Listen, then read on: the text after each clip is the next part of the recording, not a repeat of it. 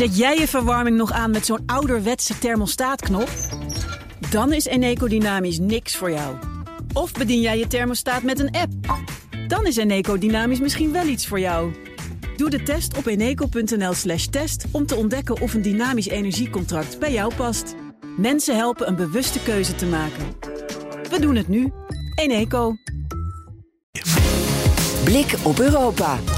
Met Europa-verslaggever Geert-Jan Haan. En die is in Den Haag. Geert-Jan, ik dacht dat je onderweg was naar uh, Vilnius. Maar nee hoor, in Den Haag. Wat doe je daar?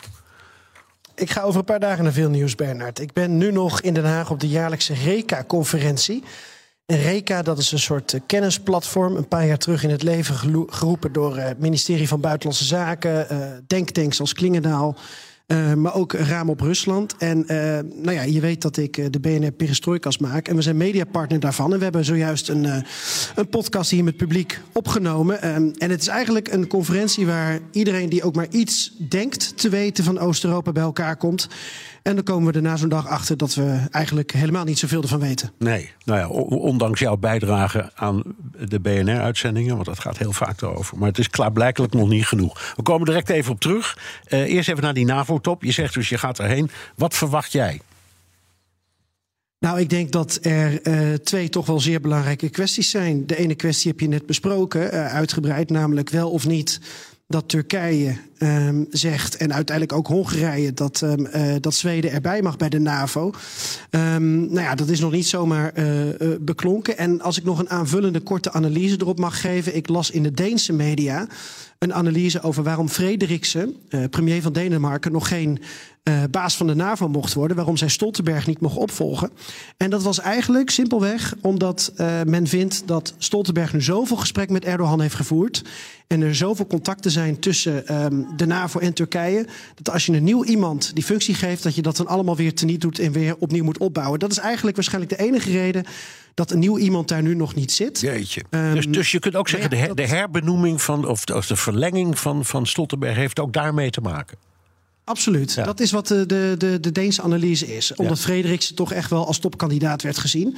Um, wat heel belangrijk wordt, deze top, die van tevoren eerst werd gezien als een soort uh, tussentop misschien, naar Madrid van vorig jaar. Maar wat nu toch wel speelt, is natuurlijk die veiligheidsgaranties voor Oekraïne. En ja, jij hebt uh, veel meer ervaring hiermee dan ik, Bernard. Maar volgens mij wordt er uiteindelijk iets opgetuigd qua veiligheidsgarantie, wat we nog niet elders op de wereld echt kennen. Een, een, een zo'n groot land als Oekraïne. Om dat dan in zijn geheel of deels met bezet gebied of niet bezet gebied een soort van veiligheidsgarantie te geven. waar grote landen zich aan gaan committeren. Uh, met de dreiging van Rusland. Die natuurlijk dan ook, um, ja, als ze het uittesten. Um, waarbij het Westen dan ook wel echt adequaat aan die veiligheidsgaranties richting Oekraïne ja, uh, tegemoet moet komen. Ik ben heel belangrijk wat daar uitkomt komende week in veel nieuws. Want Zelensky is wel zoiets beloofd. Maar volgens mij is nog nooit zoiets eerder gedaan. Nee, klopt. Nooit eerder gedaan. Hey, wordt, er, wordt er bij jou in Den Haag ook over die, die NAVO-top uh, gepraat en de Russische dreiging? Jazeker. Um, en met betrekking tot Turkije nog wel een interessante opme opmerking. Uh, Han Bouwmeester, generaal, die jij ook regelmatig in de uitzending hebt... die gaf een openingspraatje vandaag. En hem werd ook gevraagd, want hij weet heel veel van misleiding...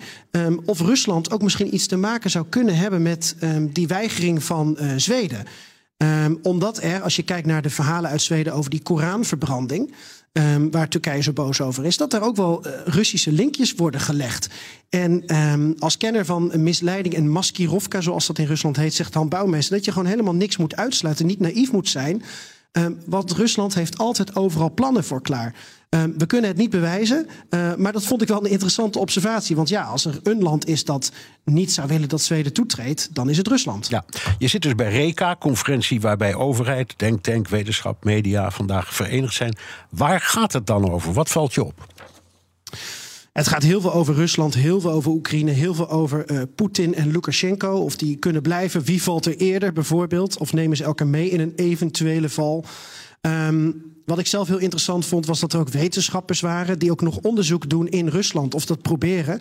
En dat er dan wordt gevraagd: ja, hoe doe je dat op dit moment? Hoe weten we of die Levade-enquêtes en peilingen Ehm, hoe weten we of dat waar is? Nou, dan leggen ze uit dat er toch met allerlei omwegen nog dingen mogelijk zijn. We hebben het vaak over omkatten, hè, Bernard, van, van de sancties, uh, ja. producten omzeilen. En uh, dat doen onderzoekers blijkbaar nu ook.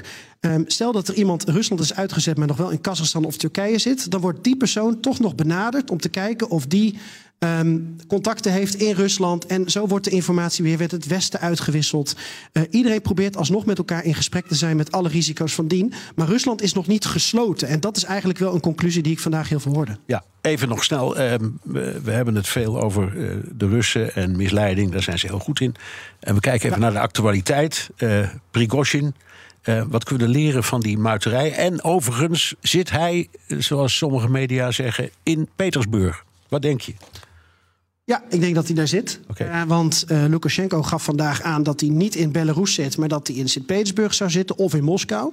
En uh, lokale media hebben dat ook de afgelopen twee dagen gemeld. Um, Prigozhin ging dan wel met een mondkapje en een zonnebril over straat, maar er liepen personen naast hem uit zijn entourage. Uh, die onmiskenbaar waren. En um, ja, het zou dus goed kunnen dat ook in dit geval, als we het hebben over misleiding, dat niets is wat het lijkt, Bernard. Want we zien al die beelden van Um, uh, FSB-invallen in de huizen van uh, Prigozhin. En dat er een heleboel geld wordt gevonden. En goudstaven en pruiken en paspoorten en noem maar op. Maar dan zijn er ook weer berichten dat Prigozhin een heleboel van dat geld terugkrijgt. Dat hij een klok die hij heeft gekregen van Shoigu... dat hij die mocht komen ophalen in Moskou. En dat we dus ons enorm moeten afvragen... wat op dit moment nog de relatie is tussen het Kremlin en Prigozhin. Misschien is hij toch wel ietsje beter dan we allemaal nu denken. Dankjewel, Europa-verslaggever Geert-Jan Haan. Eet jij elke woensdag lasagne omdat het zo lekker makkelijk is? Dan is Eneco Dynamisch niks voor jou.